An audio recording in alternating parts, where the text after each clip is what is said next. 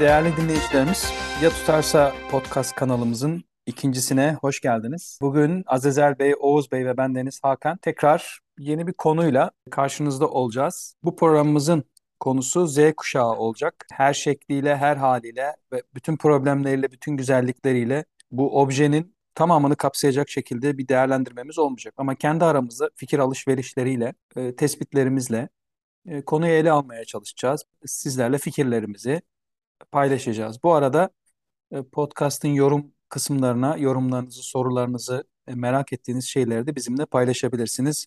Öncelikle Azizel Bey'e ve Oğuz Bey'e hoş geldiniz diyorum. Hoş bulduk, sağ olun. Hoş bulduk, teşekkür ederim. Evet, az önce de belirttiğim gibi konumuz Z kuşağı. Z kuşağının haricinde e, herkesin de ilgi odağı olduğu bir konu bu. Bütün dünyanın aslında ortak konularından birisi bu Z kuşağı ve ve belirli çevrelerin de kendi amaçları için iştahlarının da kabardığı e, ne derler bir hedef grup veya bir kuşak. Öncekilerden biraz daha farklı gözüküyor. Bu kadar dünyanın gündeminde bir kuşağın olduğu herhalde vaki değildir. Globalleşme konusu var. Globalleşiyoruz. Köy haline geliyoruz. Dolayısıyla herkesin iştahını çeken bir veya kendine doğru yontmaya çalıştığı bir konu veya kendine doğru çekmeye çalıştığı bir konu diyebiliriz. Buradan başlayaraktan ben ilk önce Azazel Bey ile başlamak istiyorum size yönetmek istediğim konu başlıkları itibariyle Z kuşağının ne olduğunu, hangi aralıklara biz Z kuşağı dediğimizi ve sizin tanımlamanızın nasıl olduğunu, bulunduğunuz çevre içerisinde şu an Kanada'dasınız ve bulunduğunuz çevre itibariyle e, Z kuşağını bu tanıma ne kadar uygun görüyorsunuz? Buyurun. Öncelikle önemli bir konu tabii Z kuşağı. Çünkü önümüzdeki 30 yılı, 40 yılı şekillendirecek olan bir yaş kuşağından bahsediyoruz. Dilerseniz öncelikle bu kuşaklar nereden çıkmış, nasıl çıkmış, ne zaman başlamış, nasıl gruplandırılmış onunla ilgili ufak bilgi vereyim. Sonra da Z kuşağına geçelim. Böylece herkesin kafasına daha iyi bir resim oluşmuş olsun. Aslında 1880'lerle beraber yani başlayan bir olay bu. Daha çok da Ernest Hemingway ile alakalı kayıp kuşak dediği bir nesili tanımlıyor ve ondan sonra da sosyologlar bunu kullanıyor. Kayıp kuşak o dönemde Birinci Dünya Savaşı'nı görmüş olan onun kayıp ruhlar dediği topluluk ve 1880 ile işte 1900 arasındaki doğmuş olan nesli kayıp kuşak olarak tanımlıyor. Sonrasına baktığınızda en büyük kuşak diyorlar. Onun da hikayesi var. Şu an konumuz olmadığı için geçiyorum ama daha sonra da sessiz kuşak başlıyor. Bu en muhteşem kuşak İkinci Dünya Savaşı'nı görmüş olanlar veya sessiz kuşak dediğimiz İkinci Dünya Savaşı'nı görmüş olanlar. Sonrasında da işte özellikle e, bugünlerde en çok alay etmek için kullanılan boomer tabirinin doğduğu bebek boomerların 40 ila 65 arasındaki dönemi söyleyebiliriz. Bunlara da bebek boomerlar diyorlar. Ve sonra da artık jenerasyonları tanımlamak için harf kullanmaya başlıyorlar. X ile başlamışlar. Buna giriyoruz. Sizinle beraber Hakan Bey. Biraz Oğuz Bey dışarıda kalıyor. X kuşağı olarak tanımlanan grup geliyor. 80'e kadar olanlar. Daha sonra da millennial'lar ya da Y kuşağı diyeceğimiz kuşak. Arkasından da Z kuşağı gelecek ve Z'den sonra da işte dok yani 97-2012 arası dersek Z kuşağına 2012'den sonra doğanlar da bugüne kadar doğmuş olanlar da alfa kuşağını temsil ediyorlar. Tabii gruplamalar ne için yapılıyor? Yaşadıkları hayat top, yani toplum içerisinde yetiştikleri çevreyle kendilerine oluşturdukları hayat tarzıyla rakamların ya da bu yılların tam olarak bir çizgiyle çizilmiş gibi belirlenmesi zor gelecek yıllarda yani alfa kuşağından sonra beta kuşağı gelecek muhtemelen. Ama onun ne zaman başlayıp ne zaman sonlanacağını onların yaşam tarzı karar verecek. Z kuşağına gelirsek Z kuşağı tabii ki en önemli şey internetle, global bilgiyle tanışmaları. Tarihte de bilginin insandan insana yayılmasıyla e, daha da topluluğun güçlendiğini görüyoruz. Çünkü bilgi alışverişi sıklaştıkça o toplum güçleniyor. Çok büyük çekinceler olmasına karşın, hayat pratiklerine karşı, güçlerini kaybetmelerine karşın Z kuşağı ile alakalı en büyük endişe hayata karşı pratiklerini kaybetmeleri. Yani bir ormana bıraksanız hayatta kalma şansları kendilerinden önce gelen e, Y kuşağından veya X kuşağından daha e, zor olmasına karşın bilgi alışverişinde daha hızlı bilgi alışverişinden dolayı daha fazla bilgi birikimine sahip bir topluluk olarak tanımlayabiliriz. Ama bunun yanında ergenlik yaşının küçülmesi, artık genç hamilelik oranlarının bir önceki kuşağa kadar göre azalmış olsa da artık bu tür ilişkilerin, kız erkek ilişkilerin daha küçük yaşlara indiği ama aynı zamanda e, psikolojik olarak da daha ağır bir süreçten geçtikleri tespit edilen bir topluluktan bahsediyoruz. Bunların arasında psikiyatra gitme oranları daha fazla. Tabii şimdi bir de pandemi geçirdiler. Bununla alakalı araştırmalar da devam ediyor. Z kuşağını nasıl etkiledi, nasıl bir üzerlerinde etki bırakacak geleceğe dönük olarak bu noktalarda da araştırmalar devam ediyor. Taze bir bilgi tabii. Ama bir önceki kuşağa göre daha iyi huylu bir kuşak olduğunu söyleyebiliriz. Benzer özellikleri var. E, ilerleyen zamanda da bu kuşağı tanımladığımız şeylerle beraber artıları eksiler üzerine biraz daha konuşma imkanımız olur kanaatindeyim. Kanada'daki Z kuşağı zannetmiyorum Türkiye'deki Z kuşağından e, veya Avustralya'daki Z kuşağından farklı olsun. Genel itibariyle dünya globalleşmeye, bu bilgi akışıyla beraber globalleşmeye daha yakınlaştığı için kanımca e, birbirine çok yakın, çok benzer bir özellik taşıyorlar. Yani belki X ve Y kuşağında farklılıklar daha derinleşirken geriye gittikçe kültürler arasında bu kuşakta kültürler birbirine çok yakınlaşmış. Değişik coğrafyalarda aynı kültür etkileri üzerine yaşamaya başlamış bir topluluktan bahsetmek herhalde zor olmaz. Teşekkür ediyorum. Çok güzel bir giriş oldu, bir girizgah oldu. Ayrıca sırayla konuşacağız diye bir kaydenin olmadığını düşünüyorum. Belki araya girme gibi, karşılıklı sohbet etmek gibi ara ara bunu da yapabiliriz. Çünkü konuşmacıda belki bir sıkılganlık olabilir ve kendini tek hissedebilir. Her neyse. Belki podcast'ın tarzı da budur. Buna dikkat etmemiz lazım. Oğuz Bey ile devam etmek istiyorum. Z kuşağını sorunlu olarak görüyor musunuz? Neden? Şu an Z kuşağını sorunlu gibi gören bir coğrafyada aslında yaşıyor. Veya biz öyle zannediyoruz dışarıdan bakınca. Siz sorunlu olarak görüyor musunuz? Hem eğitimcisiniz hem de akademisyenlik kimliğiniz de var. Hem de toplumun içindesiniz. E, eğitim kimliğiniz hala devam ediyor. İyi bir gözlemci olduğunuza da ben inanıyorum. Siz nasıl tanımlarsınız Z kuşağını ayrıca? Peki Türkiye'de Z kuşağı olmak ne demek? Nasıl zorluklar var? Bunu neden soruyorum aslında? Dünyanın köy haline gelmiş olması eskisi gibi değil yani. Sadece ziyaret ederek değil, en ince kılcallarına kadar, olaylara varana kadar, bütün gelişmelere varana kadar, insanların medeni hallerini ve modern hallerinden e, etkileninceye kadar, evlerinin içine kadar, en ince ayrıntısına belki masasının altındaki kitabına varana kadar. İnsanlar birbirlerinden artık görüntülü ve sesli olarak etkileşiyor. İzleyenler, izlenenler kimin izlediğini bilmiyor. Ama herkes birbirinden etkileşiyor. Dolayısıyla ben bunu sormak istiyordum. Aslında evet nesiller aynı nesiller. Doğru söylüyorsunuz. Fakat etkileşim dünyada olmadığı kadar fazla. Bir nesil farklı bir bunalım yaşıyorken modernizmin içinde. Başka bir nesil ise modernizmi izlediğinden dolayı yani materyalden alınan hazzı izlediğinden dolayı kendisi aynı hazzı alamadığından o da farklı bir bunalım içerisinde bulunuyor. Oğuz Bey'den son olarak da yani kendisine verilen şimdiki arada mesela kimlerin çocuklarını Z kuşağı olarak görüyor? Yani dünyada neye imza atmışların çocuklarıdır Z kuşağı? Buyurun lütfen. Teşekkür ediyorum. Öncelikle beni tanımlarken kullanmış olduğunuz sıfatlarla alakalı gülmemek için kendimi zor tuttum. Ama e, Z kuşağıyla alakalı Azazel Bey güzel bir tanımlama yaptı zaten. Girişi bence çok iyiydi. Yani çok iyi derken fena değil yani. Ortalamanın üzerinde diyebilirim. Teveccüh teşekkür ediyorum efendim. o yüzden bize, kendisine. Bize iltifatla teveccüh buyurduğunuz için ayrıca teşekkür ederiz biz de. Yani bunca okumuşluğunuzu e, bu şekilde değerlendiriyor olmanızı takdir ediyorum tabii. Her insan sizin gibi biriyle karşılaştığı zaman onu takdir eder. Güzel bir giriş oldu Z kuşağı ile alakalı, öncesi ve sonrası ile alakalı. Önce şu ifade mesela çok meşhur bir ifade. E, Hakan Bey'in söylediği dünya köy haline geldi. Global bir e, işte artık globalleşmeden sonra falan filan. Ya dünya bir köy haline geldi ama e, bence o köyün arka mahallesi veyahut da kenar mahallesi biziz yani Orta Doğu'yu. O yüzden Amerika'daki, Avrupa'daki, Avustralya'daki, Kanada'daki Z kuşağıyla bizim buradaki Z kuşağını karşılaştır, birebir karşılaştırmanın çok doğru olacağını düşünmüyorum. Yani etkileşimler, internet, televizyon, yani aklınıza ne geliyorsa yani dünya evet aynı etkileri yaşıyor olabilirler. Aynı müzikleri dinliyor olabilirler. Aynı filmleri seyrediyor olabilirler ama maalesef oralardaki etkinin buralarda görüldüğünü zannetmiyorum hepsi söylüyorsunuz işte e, Avrupa'daki, Amerika'daki yani gençlik veya durum falan yani Bizim buralarda Orta Doğu'da biraz daha herhalde farklı oluyor.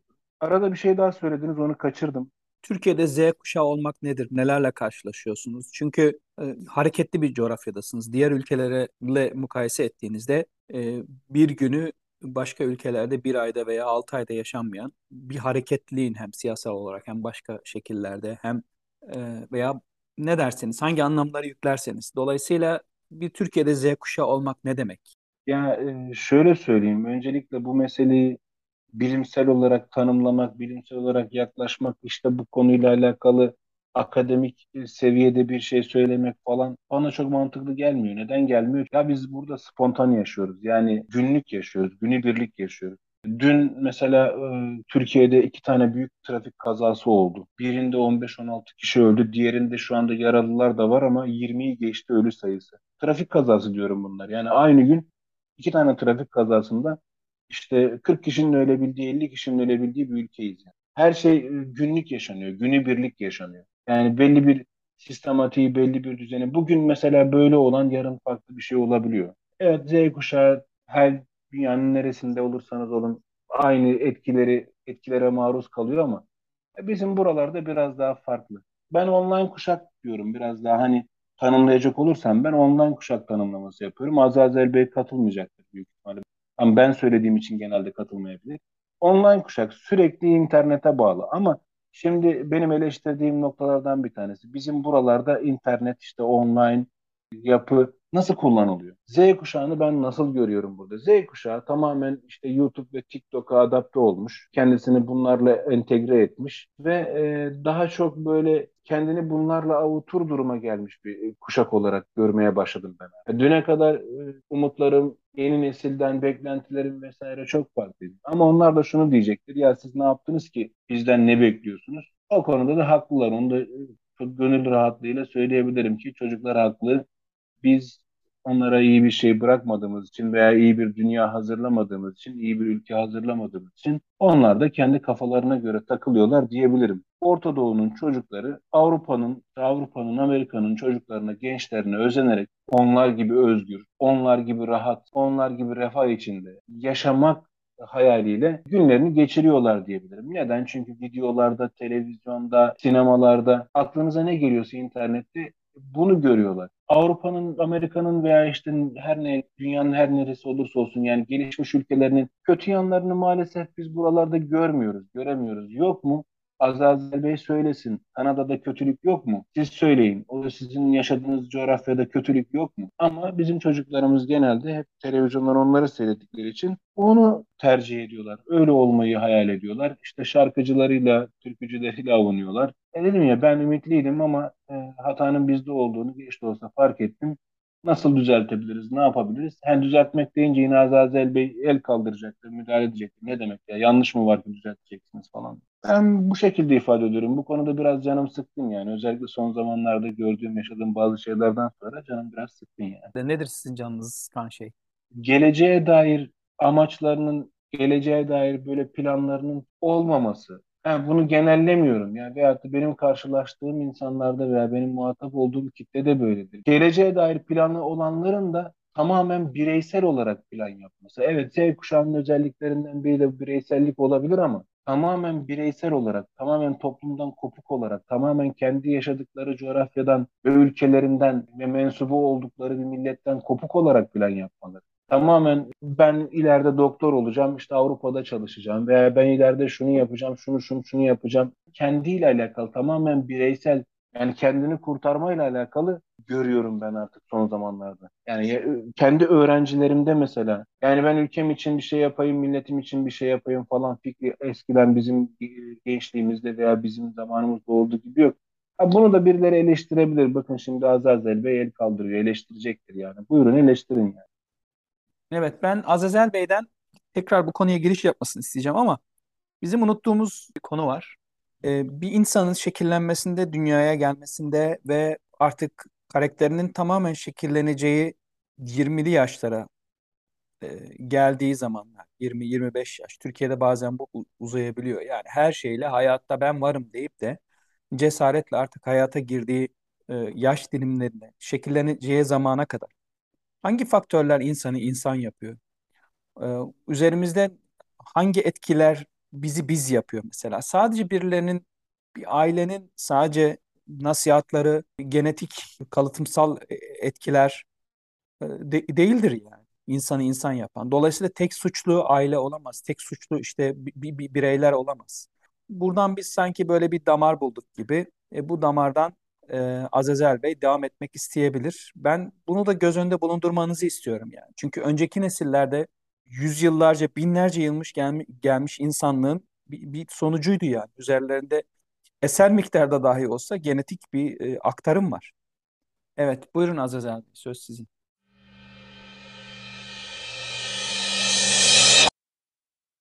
Ya- Yani ben sadece araya girmek istedim hakikaten. Şimdi ülkesine faydalı olmak, kültürüne faydalı olmak. Yani tabii ki her yetişen her herkes ülkesine faydalı olmalı ama dünya öyle bir global bir çerçeveye gidiyor ki insanlığa faydalı olmak, insanlara faydalı olmak daha önemli değil mi? Neden biz sadece bir millete, bir topluluğa, sadece bulunduğumuz ufak bir halkaya bakıyoruz? Zaten bu bakış bizi biraz küçültmüyor mu zaten, daraltmıyor mu? Neden hakikaten dünyaya faydalı olabilecek, dünyanın en büyük şirketlerinden birini kurmak değil hedefi, e, çocuğun Türkiye'nin en büyük şirketlerinden birini kurmak. Bakış açısı bunun kadar darlaştırıyor aslında.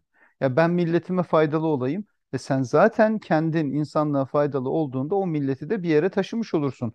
Eğer değerlerin varsa ister Hristiyan ol, ister Yahudi ol, ister Müslüman ol, ne olursan ol, o değerlerini veya Atatürk'ü hakikaten çok seven bir Atatürkçüysen temsil etme adına bugünün dünyasında başarılı olmak durumundasın. Belirli bir millete, belirli bir yetişme tarzına, belirli bir anlayışa kilitlemek bence meseleyi daraltmak oluyor ve globalleşen dünyayı anlamadan dar kalıplar içerisinde kendini yaşamaya zorlamak oluyor. Ve Z kuşağı böyle bir çerçevede anlaşılmaz. Bugüne kadar her nesil kendinden önceki nesilden şikayet etmiştir. Ama Z kuşağının çok iyi anlaşılması gerektiğini düşünüyorum. Çünkü bilgi su gibi akıyor ve o bilgiden daha taze olanları, daha faydalı olanları bu çocukların elde etmesi lazım.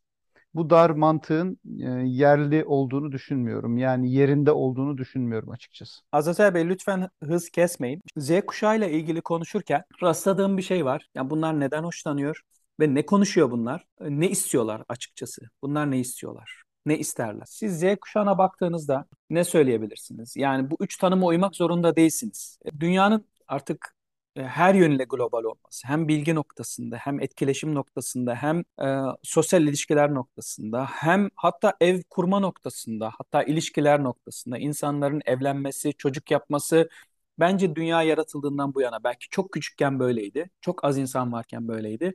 Şimdi çok çoğaldık, hiç olmadık kadar belki bilmiyorum.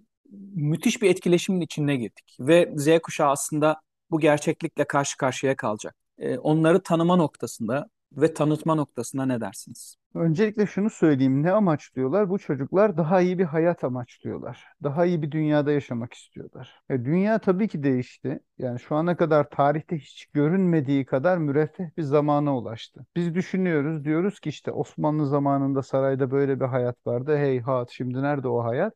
O hayatı çok büyük, çok küçük bir elit grup paylaşıyordu. Ya da Politbüro'nun e, Rusya'da ya da Sovyetler Birliği'nde yapmış olduğu gibi. Ya da Almanya'da ya da e, İngiltere'de kraliyet ailesinin o zenginliği etrafındaki insanlarla paylaşması gibi. Öyle bir dünyaya doğduk ki biz veya öyle bir dünyanın içerisinde yaşıyoruz ki güç gittikçe dağılıyor ve zannettiğimizden daha fazla orta seviyedeki insanların yaşama standartları yükseliyor.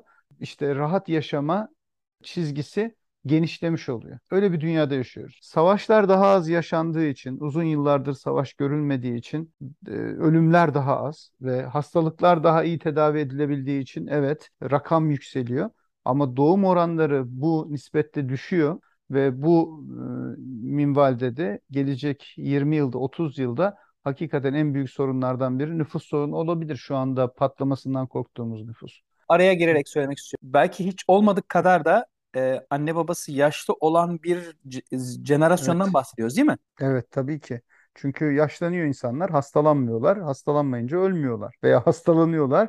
hemen tedavi ediliyorlar. Öyle bir dönem. Ve nüfus yaşlanıyor. Yaşlı nüfus e, çalışamazsa e, yaşama hakkını kaybediyor aslına bakarsanız. Öyle bir dünyaya doğru gidiyoruz şu anda. Yani nüfus problemi hakikaten büyük bir problem ama herkesin zannettiği gibi ya da çoğu kişinin zannettiği gibi patlaması değil, nüfusun yaşlanması ve bu nedenle nüfusun azalması en büyük problemlerden bir tanesi. Z kuşağı rahat yaşamak istiyor. Bunu ister Amerika'da olsun, ister Londra'da olsun, yani İngiltere'de olsun, ister Avrupa'da olsun rahat bir yaşam kurmak istiyorlar. Ve bu noktada her şeyi öğrenmek istiyorlar. Bakın Türkiye'de de rahat yaşam kurmak isteyen istiyor Z kuşağı. Ha, kimisi kendi ülkesi içerisinde kurmak istiyor ve Amerika'dan öğrendiği, İngiltere'den öğrendiği, Avustralya'dan öğrendiği bilgilerle bunu yapmaya çalışıyor. Orada inşa etmeye çalışıyor. Kimisi de ülkenin dışına çıkıp rahat yaşayacağı ortama geçmenin kendisi için daha kolay olduğunu hissedip o yolda ilerliyor. Ama bu çocukların temel amacı rahat yaşamak istemeleri ve bence buna sonsuz hakları var. Bizim yaşadığımız dönemde mahallemizdeki en zengin insan bizim için örnek insandı. Onun gibi olmak isterdik. O rahat yaşıyordu. Onun hayat standartlarını yakalamak isterdik. Ama bu çocuklar televizyonda gördükleri veya internette gördükleri hayatları kendilerine mihenk olarak alıyorlar ve bu hayat standartını yakalamaya çalışıyorlar. Dolayısıyla istekleri bizimkinden daha fazla. Daha fazla çalışıyorlar, daha fazla bilgiye sahipler, dünyayı daha iyi görüyorlar ve rahat yaşamak istiyorlar ki sonuna kadar hakları olduğunu düşünüyorum. Kesinlikle de katılıyorum. Dünya tarihini biliyorlar. Önceki yaşanmışlıkları da biliyorlar az çok. Bazı şeyleri bilmiyor olmaları onların cehaletine aslında bir veri değil yani. Z kuşağın en genç e, gruplarına veya alfa grubuna mesela işte elma nerede yetişir? İşte marketten alınır. İşte su nereden gelir? Çeşmeden gelir. E, bunun öncesi yok mudur? Düşünemez belki ama dediğiniz gibi farklı alanlardaki büyük inkişafları veya büyük ilerlemeleri bunlar da dikkat çekecektir. Oğuz Bey ile devam edeceğiz tekrar. E, kendimce çıkardığım yine küçük notlar var. Oğuz Bey Türkiye'de yaşıyor biliyorum ve 2023 yılında olması muhtemel e, seçim arefesi her neyse nasıl deniyorsa e, orada Z kuşağı önemli bir rol oynayacak. 8 milyon insandan bahsediliyor. Hatta Amerika nüfusu ile ilgili 10 sene sonra yaklaşık Z kuşağının yaşlı nüfusu geçeceğinden bahsediliyor. Z kuşağının hedefinde kimler var diye düşündüğümde siz eklersiniz, çıkarırsınız önemli değil. Siyasilerin, teknoloji satanların, karanlık dünyanın bunu açmaya gerek olmadığını düşünüyorum. Zaten çok belli. Ailelerin, devletlerin ve yeni toplum inşa etmek isteyen grupların e, bunların hedefinde olduğunu, iştahlarının kabarık olduğunu düşünüyorum. E, peki Z kuşağını bekleyen konular ne olacak bundan sonra? Çünkü 10-15 sene sonra devir teslim gerçekleşecek. X kuşağı ve ondan önceki kuşak e, boomer dediğimiz bu kuşaklar e, yerlerini artık Y'nin yaşlılarına ve Z'nin de e, artık olgun grubuna e, bırakmış olacak. E, ne hangi konular sanki şu an dünyada onları bekliyor. Hem çözüm kavuşturması gereken hem de ilgilenmeleri gereken yani altlarında kalmamalarını ümit ederiz ama yeni dünyanın şekillenmesinde rol oynayacakları için ve kader de bir yönüyle onları bugüne hazırladığı için çünkü kaderin de payını şey yapamayız. Yani e, kesinlikle burada yatsıyamayız. Ne bekliyor? Birincisi materyal çok şu an cazip olduğundan dolayı. Materyal bekliyor onları. Materyal konusu. E, dinler ve o dine uyanların artık biliyorsunuz boomerların daha çok ve e, X kuşağının çok bağlandığı konulardan. Onlar yeniden şekil verebilecekler mi? E, ve bu dinin alt grupları sayılan mezheplere karşı artık bunların ilgisi e, öncekiler gibi olacak mı? E, salgın hastalıklara karşı nasıl bir şey üretecekler? Çünkü ilk defa uyandıklarında şeyle işte tam şuurları geliyordu ki e, Covid'le karşı karşıya kaldılar. Teknoloji ve e, artificial intelligence denilen bir şey var İngilizce'de. O da yapay zeka. Yapay zekayı bir robotun işte bütün evi idare etmesi, insanları emri altına alması değil. İşte mahremiyet konusu var. Şu an tamamen saçılmış olan mahremiyetle ilgili yeni tanım getirmek isteyecekler mi? Siber güvenlik diye bir şey var. Her şeyin artık e, sanal ortama döküldüğü bir yerde. Dolayısıyla bunun tam aksi de olacaktır. E, her şeyinizi güvendiğiniz yerde güvenlik problemleri de açığa çıkacaktır. İnsan hakları bunların hepsi ayrı ayrı konular. Göç konusu ve göçmen krizleri. Yine belki Azezel Bey dünya tarihini ve siz Oğuz Bey bildiğiniz için rahatlıkla söylüyorum. Ee, olmadık kadar herkes bulunduğu yerden çıkmaya, başka ülkelerden dediğiniz gibi çok müreffeh hayat yaşamaya e, dair bir şeyleri var, eğilimleri var. Cinsiyet tercihleri ve bunların toplumlar ve kadim ahlak ile telifleri nasıl olacak?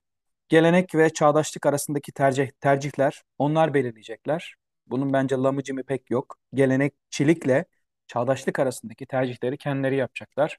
Ve e, zamanın ve mekanın hiç olmadık kadar böyle birbirine girmiş olması sorununu belki avantaja çevirecekler. Oğuz Bey'e geleceğin şekillenmesinde sizce Z kuşağı nasıl bir rol oynayacak? Ahlaki normlar ve izimler açısından Z kuşağı için bunlar önemli olacak mı sizce? Yani yeni bir din anlayışı demek istemiyorum, yeni mezhep anlayışları veya yeni yeni yeni anlayışlar değil. Sizce bu, bunların elinde nasıl bir kıvam elde edecek? Ee, yollar, dinler ve Z kuşağı şeklinde başlatabiliriz. Buyurun. Yani sizin sorularınızdan sonra e, şöyle projektör görmüş tavşan gibi kaldım. Yani o kadar soruyu kafamda toparlamak, tekrar tekrar düşünmek biraz zor olsa da sondan başa doğru belki gitmek doğru olur. İsterseniz biraz daha samimi bir havada gidelim. Çünkü e, Azazel Biz, biz Bey'in şekil veriyoruz. Z kuşağı dünyaya şekil vereceği gibi bu podcast'ta biz şekil veriyoruz. Nasıl istersen yani ya yürüyebilirsin. şimdi, şimdi Azazel Bey'in tabii akademik, bilimsel, tarihsel, coğrafyasal, siyasal, ekonomisel, sel sel sel yaklaşımlarından sonra bizim amiyane yaklaşımlarımız, bizim böyle biraz daha kaba, e, sakin e, yaklaşımlarımız e, dinleyicimizi tabii rahatsız etmesinler, özür diliyorum ama şöyle söyleyeyim, Z kuşağıyla dünya gelecek nasıl olacak? Bizimle dünya nasıl olduysa Z kuşağıyla da çok fazla bir değişiklik olmayacak, aynısı olacak. E, işte dünya daha kötü bir hale gelecek. Hayır, dünya daha kötü bir hale gelmeyecek. Belki bizden öncekiler, ondan öncekiler de dünyanın daha kötü hale geleceğini düşünüyorlardı. Hayır, dünya daha kötü hale gelmeyecek. Dünya bizim hak ettiğimiz veya bizim kurguladığımız hale gelecek insanlar olarak. Yani sadece belli bir coğrafyadan bahsetmiyorum. Geçenlerde böyle biraz kafama takılmıştı. Hani e, geçmişteki kadar huzurlu, geçmişteki kadar böyle müreffeh, barış içinde falan filan yaşasak birisi bir şey söylemişti. Şöyle düşündüm, ya barış ne zaman olmuş? Bu dünyada, bu topraklarda, özellikle Orta Doğu coğrafyası. Savaşın olmadığı bir zaman dilimi var mı Orta Doğu coğrafyasında? Savaşın olmadığı, barışın olduğu, tamamen böyle barışla geçen, hiçbir şey bulamasak, dışarıdan bir etki bulamasak kendi içimizde kavga etmişiz. Evet gerçekten huzurlu yaşadığımız, kavgasız, gürültüsüz yaşadığımız bir dönem var mı? Yok. Yarın da olmayacak gibi görünüyor. Z kuşağından benim hani kendi adıma beklentim yani biraz hani dünya globalleşti artık birbirlerini tanıyorlar.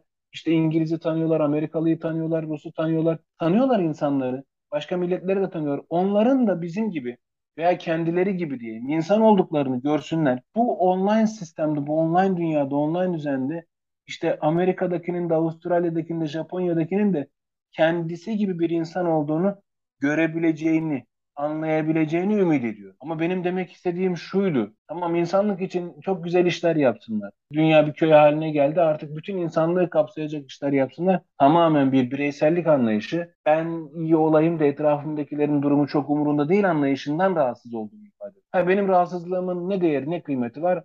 Yani hiçbir kıymeti yok. Yani çocuklar tabii yine istediklerini yapacaklar. İstedikleri gibi yaşayacaklar. Ama e, dünyanın yarını geleceği işte Hakan Bey'in dediği gibi e, siyasal, ekonomik vesaire bir sürü etkinin tabii farklı sonuçları olacak. Ya bana ne ya? Benden sonrası tufan. Benim şu anda ne kadarlık ömrüm kalmış olabilir? Yarın da ölebilirim. 20 yıl daha yaşayabilirim. Sonrasında umurumda değil nasıl olursa olsun. Böyle diyemediğimiz için belki kendi kafamızda şöyle olsun böyle olsun keşke şöyle olsa planları yapıyoruz. Z kuşağının hedef Z kuşağı kimleri kimler Z kuşağını hedefliyor? Yani siyasiler işte karanlık odaklar vesaire vesaire. Evet herkesin hedefinde Z kuşağı var ama dünyada daha önce de böyle olmuş. Gençlik her zaman birilerinin hedefinde olmuş.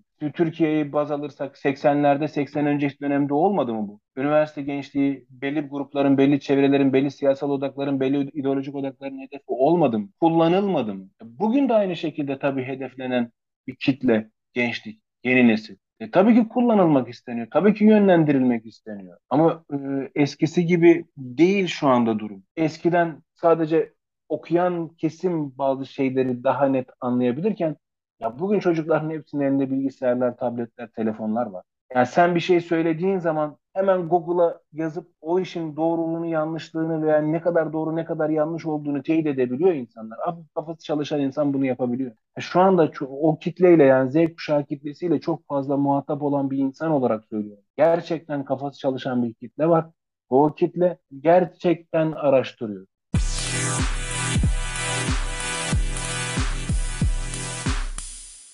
Size şunu sormak istiyorum. Çocukların elinde iPad olması, çocuk telefon olması, doğar doğmaz dijital dünyayla ve bunların hepsiyle tanışıyor olması. E, sizce bu büyük bir sorun mu? Şimdi malumunuz çok büyük bir geyik vardır derler ki Amerika'ya gittim işte adama e, verdiğim şey 17 lira tuttu. 20 dolar verdim. Üstüne de çıkardım 2 dolar verdim. Adam ne yapacağını şaşırdı. Oysa Türkiye'de adama versen ki 20 dolar işte üzerine 2 dolar versen adam çıkarır sana 5, 5 lirayı verir. Neyse yani dolar lira. Şimdi hep bu örnek verilir ve çok aptallar aslında falan manasında kullanılır. Oysa çok pratik bir şey var. Burada kasalar var. 1960'tan beri kullanıyorlar. Adam oraya 20 dolar verdiğinde 20 dolar verdi yazıyor hemen orada 3 dolar geri vermelisin diye çıkıyor ve adam kafasını buna göre şey yapmış.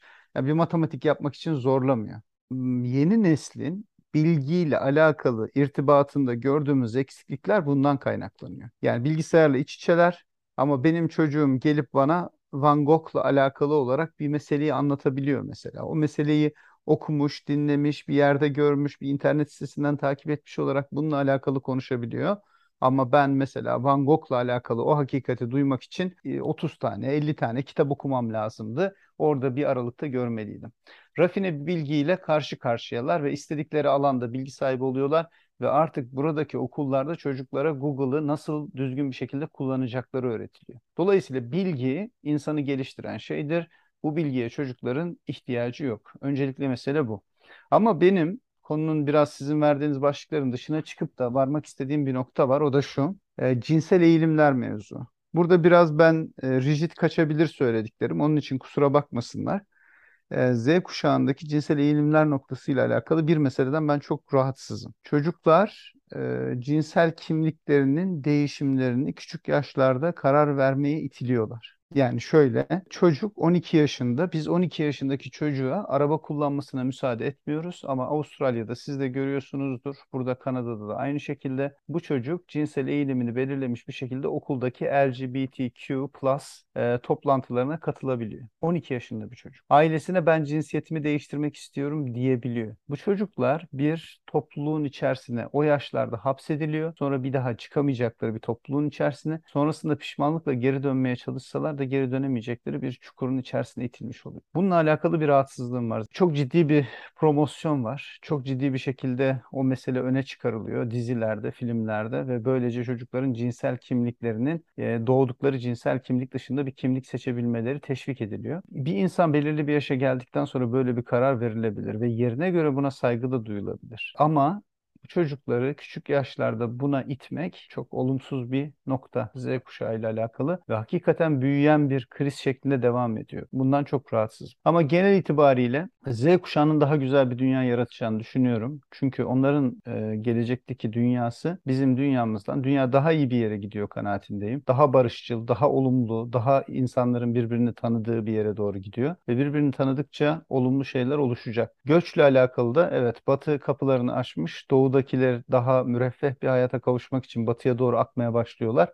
İki çözümü var. Birincisi ya doğudakilere daha müreffeh bir ortamı sağlayacak olan yatırımları yapacaklar ve onların da kendileri gibi gelişmesini sağlayacaklar ya da kapıları kapatacaklar ve bu da ayrı bir savaşın, ayrı bir çekişmenin başlamasına sebep olacak. Z kuşağının Türkiye için belirleyici bir faktör olduğu fikrine katılıyor musunuz? Belirli bir faktör, belirli belirleyici bir faktör olduğu fikrine katılmakla birlikte aslında tam olarak kendilerinin de bunun farkında olup olmadığı konusunda tereddütlerim var. Yani evet seçim 2023'te bir Türkiye'de bir seçim yaşanacak. Bu seçimde gerçekten ilk defa oy kullanacak yaklaşık 7 milyon zannedersem seçmen olacak. Bunların işte yaş itibariyle Z kuşağı olmaları, yaş olarak da genç olamaları e, tabii e, onları belirleyici yapıyor. Ama az önce Azazel Bey'in dediği gibi ben de bunu uzatarak söylüyorum Azazel. Azazel olması lazım herhalde. Kendileri bunun farkında mı? Veya ne kadar farkındalar? Veya tabii belirleyicilikle farkındalarsa bununla ne yapmaya çalışıyorlar? Bunların tabii konuşulması, tartışılması lazım. Cinsiyet meselesine ben de katılıyorum. E, kendi öğrencilerimde gördüğüm, kendi öğrencilerimde yaşadığım mesela durumlardan bir tanesi işte Kore'de BTS diye bir grup var. Şimdi reklamda yapmış olmayalım ama erkek e, çocukların, oğlan çocukları diyeyim daha çok. Tırnaklarını ojeyle boyadığı, dudaklarına ruj sürdüğü, işte pudralar allıklarla kendilerine bu yoğun bir makyaj yaptı. Topluluğun şarkılarını Kore yani Kore e, şarkılarını ezbere bilen bir Z kuşağı kitlemiz var şu anda Türkiye'de. Yani tamam bu çocuklar bilsinler. Eskiden mesela işte bilmiyorlar mıydı? E, Elvis şarkıları dinlemiyorlar mıydı? Veya işte Metallica dinlemiyorlar mıydı? Veya işte bilmem kimi dinlemiyorlar mıydı? Dinlesinler. Queen'i dinlesinler. Başkasını dinlesinler. Ciddi şekilde belli noktalara yönen, yönlendirme ve sanki o noktaya itme gibi bir e, şey var aslında dünyada. Etki var. Yani çocukları, gençleri, Z kuşağını aslında öyle bir şey ki sanki olabildiğince e, şeyden uzaklaştırmaya, gündemden, yönetimden uzaklaştırma eğilimi var gibi geliyor bana. Yani onları bir şeylerle oyalayalım ve biz de işimize bakalım. E, bunun başka bir boyutu var. Hakan Bey'in de sorusunda söylediği gibi daha önce. Din boyutu, mezhepsel boyutu, sosyal boyutu vesaire. Yani Z kuşağının e, özellikle Türkiye'de Orta Doğu'nun geneline bakarsanız Orta Doğu'da da böyle dinden ciddi şekilde uzaklaştığını görüyoruz. Din ile olan e, bağlantılarını ya kopardıklarını ya da mesafe koyduklarını görüyoruz. Yani bununla Ben bu alakalı noktada tabii şunu söylemek isterim. Yani daha çok ben işte burada kopukluk olduğunu değil de kendi az önce senin de söylediğin gibi biraz daha kendi tanımlarını oluşturmaya başladıklarını düşünüyorum. Yani din dediğinde bizim neslin düşündüğü din değil, başka bir din. Kültür dediğinde bizim neslin anladığı kültür değil, başka bir kültür ama kendi formlarını oluşturmaya çalıştıkları düşüncesindeyim. Her şeyle alakalı böyle bir tanımlama yapıyorlar. Barışı öyle tanımlıyorlar, huzuru öyle tanımlıyorlar, müreffeh yaşamayı öyle tanımlıyorlar, dini öyle tanımlıyorlar, kültürü öyle tanımlıyorlar. Yani kendi formatlarını oluşturuyorlar bence. Bu çok önemli. Çünkü yeni bir bilgi birikimiyle oluşuyor. Bu daha fazla bilgi alışverişiyle oluşuyor. yani hadi oturalım arkadaşlar kendimize göre bir yeni bir din e, algısı oluşturalım diyebileceğimiz bir şey değil ki. Ama yani senin e, bugün yaşadığın din de 16. yüzyılda yaşanan din değil. Senin bugün İslam olarak yaşadığın şey de 12. yüzyılda, 7. yüzyılda yaşanan İslam değil. Bunu da kabul etmek lazım. Ee, acaba dinlerle ilgileri, izimlerle ilgileri noktasında o izimlerin geleceğine bakan yönüyle siz Z kuşağını nasıl görüyorsunuz diye sormuşum. Bu da aslında şöyle, formülü bu. Informal sorusu da şu aslında. Yani bunların elinde siz bunları nasıl görüyorsunuz? Sizce ümit vaat edecek mi? Çoğu sondan sonra hep yeni başlangıç olmuştu. Aslında 20. yüzyılda da böyle oldu. Bir son başka bir başlangıcı tetiklemiştir yani. Şimdi siz bu bu Z kuşağına baktığınızda yeni bir şey tetikleyeceğine inanıyor musunuz? kilit bir cümle var. O da şu. Yeni dediği aslında toparlamak manasına da gelebilir. Yani yenilik verme manasına da gelebilir. Onu eski kıvamıyla ortaya tekrar koyma manasına da gelebilir. Bunu unutmayın. Azizel Bey diyor ki zannediyor musun ki 13. 14. 15. yüzyılda yaşanan şeyler şu an yaşanıyor. Aslında şu ankiler yeni bir şey vermiş durumda. Yeni bir hüviyet vermiş durumda ve bozmuş durumdalar. Eskiye dair ne varsa aslında hepsini hırpalamış durumdalar. Ve gelen nesil de bunu şu an görüyor. Bilmiyorum bunları söylerken gerçekten e, kendinde olarak mı söylüyorsun ama yani yeni bir din algısı ya yeni bir din algısı oluşuyor. Niye oluşuyor biliyor musun? Deizm diye bir e, e, görüş inanış var. İnsanlar e, burada gençlik deizmi e, popüler bir şey olarak görüyor, din olarak görüyor. E Şimdi genel itibariyle biz meseleyi sadece din olarak algılıyorsunuz. Din tabii belirli rükunlara bağlıdır. Din ilk çıktığı, yaşandığı ortamda aslı itibariyle yaşandığı veya yaşandığını ortaya çıktığı dönem itibariyle birçok değişikliğe uğramış. Gelen her topluluk, her siyasi topluluk kendine göre bir yorumlamayla yeni bir e, akış ortaya koymuş. Ye, tabii ki bu bilgi paylaşımıyla. Şimdi bizim bir hadisle alakalı olarak bir bilgiyi daha önceden bir kitaptan okuma ihtimalimiz vardı. Birisinin çıkıp bize anlatması gerekiyordu ama bugün internette girdiğinizde bu bilgiyi bulabiliyorsunuz. Dolayısıyla bu değişecek. İnsanlara artık eskisi gibi sabit olanları bu böyleydi dediğiniz zaman bir sohbette bir ortamda böyledir dediğiniz zaman insanlar bunu kabul etmeyecekler, girecekler, bakacaklar ve doğrusunu öğrenecekler. Bu noktada din değişecek. Bunu kabul etmek lazım. Ama ben sadece dinle alakalı söylemiyorum. Milliyetçilik kavramı, ahlak kavramı, efendim Atatürkçülük kavramı. Bunların hepsi yenilenecek. Mecbur yenilenmeye herkesin bu konularda daha fazla bilgisi var ulaşabileceği daha fazla kaynağı var. Bunu kabul etmek lazım. Çünkü ilgileri yok. Eskisi kadar fanatizm doğması için ilgi ve bilginin bir arada olması lazım. Çünkü ilginç de değil zaten. Yani onların ilgisini çekecek bir şey de değil. Çok durağanlaşmış, donuklaşmış, ağırlaşmış. Milliyetçilik kavramı böyle bir kavramdır bugün. Ülkücülük kavramı böyle bir kavramdır e, sosyalizm kavramı böyle bir kavramdır. Bu çocukların anlayacağı pratiklikte değil yani. Bunlar değişmek zorunda. Maalesef din de öyle. Bugün deizme çocuklar kayıyor diye bir kızmaya gerek yok. Çocuğu dini ağırlaştırıp da yaşanmayacak hale getirenleri bundan kendisini sorumlu tutması lazım. Deizme kayan gençliği değil. Teşekkür ediyoruz. Ön- Önce tabii Azazel Bey bağlasın değil mi? Yani tabii ufuk, ufuk, buyurun. ufuk açıcı ufuk açıcı sözleri e, önce o bağlanmalı. E, tabii yani bizimkiler tabii şey sözlü kültür. Oğuz Bey Ee, buyursun. yani bir an üzüldüm gerçekten Azazel Bey'in ifadelerine. Çünkü yok o değişecek, yok bu değişecek, onu değiştirecekler, bunu değiştirecekler. Yani şimdi e, tamam kabul ediyorum. Bu bizim suçumuz. Yani şu anda e, Z kuşağının sadece din ile değil, yani diğer e, bizim daha öncesinden sahip olduğumuz, sahip arkasında gittiğimiz ideolojilerle alakalı da sadece din merkezi değil, ideolojilerle alakalı da soğuk durmalarının, yanaşmamalarının, yaklaşmamalarının, kabul etmemelerinin sorumlusu biziz. Yani çocuklar deist oluyorlarsa bunun sorumlusu biziz. Biz çocuklara iyi bir din anlayışı aşılayamadık, yaşayamadık. Yaşayamadığımız şeyi çocuklara aktaramadık. İşin özeti bu. Biz hangi dine mensup olursak olalım, bugün sadece İslam dininde mi veya İslam dinine mensup gençler de mi bu haldeler? Hayır zannetmiyorum. Dünyanın dört bir tarafında da bunun hatta Türkiye'den daha hızlı olduğunu veya İslam ülkelerinin daha hızlı olduğunu düşünüyorum. Yani dinsizlik akımının veya din herhangi bir dine bağlı olmamak mı? Yani cinsel tercihler olarak algılamamak lazım. Bu da önemli. İdeolojiler eskisi kadar işte e, ideolojilerin peşinden giden bir gençlik, giden bir nesil var mı acaba? Dünyanın dört bir tarafında. Yok gibi görünüyor. Ama benim demek istediğim şu. Tamam yok gibi görünüyor. Evet bizim suçumuz var. Ne, ne olacak? Nasıl gidecek bu? Azazel Bey'in e, ilmi yaklaşımlarına tabii güveniyorum. Tabii e, ne olur ne biter. Ama bana göre toparlanması zor ama imkansız olmayan bir süreç yaşıyoruz. Tabii konuşuyor. Azazel Bey'in görüşleri işte yön veriyor. Az önce oturum sahibi beni sessize aldı. Bakın yani az önce sessize alındım. Yani sesim Ben- kesildi. Ben de zorla bağlandım. Ben Tekrar. ba- toparlamak istiyorum. Ayıptır ya, günahtır ya. Teşekkür ediyorum Oğuz Bey. Ee, gerçekten katkılarınız çok güzeldi. Birbirimize karşı da ısınıyoruz bu platformda aslında. Bundan sonraki şeylerde de aynı performansın devam edeceğine dair ümidim tam. Tabii ki. Şimdi öncelikle tarihte dönüm noktaları oldu. Roma İmparatorluğu'nun kurulması gibi. Sonrasında işte Türklerin e, Anadolu'ya gelmesi ve orada bir medeniyet kurması gibi. Ortaçağ Avrupa'sında Viking istilaları gibi dönemler oldu.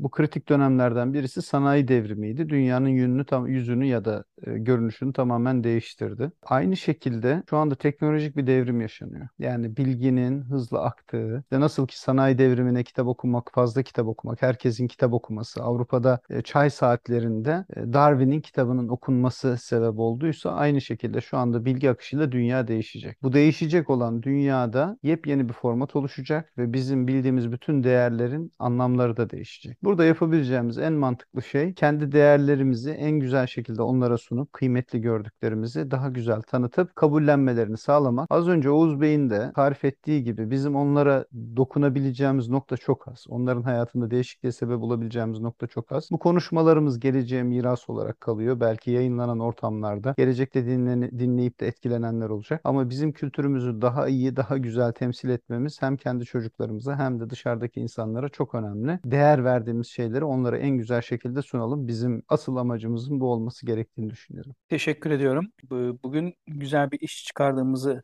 düşünüyorum. E, Konumuz Z kuşağıydı. Sorunları, geleceğe dair bakışları ve bizim gözümüzden X kuşağı, Oğuz Bey ne kuşağı demiştiniz? Siyah kuşağım hocam. Siyah kuşağım. E, O millennial Pardon. ya da Y kuşağı. Kuşaklar açısından Z kuşağını biraz e, kendimizce değerlendirmiş olduk. Katılımcılara zaman ayırdıkları için farklı zaman dilimlerindeyiz. Birimiz için akşama geliyor, birimiz için gece ortası, birimiz için de henüz daha sabahın ilk vakitleri. Dolayısıyla performansınız için ayrıca teşekkür ediyorum. Dinleyicilere de sabırlarından dolayı yine teşekkür ederim. Yeni bir konuda tekrar buluşuruz. Şundan emin olabilirsiniz. Biz kendi düşüncelerimizi paylaşıyoruz. Bir kaygı duymadan,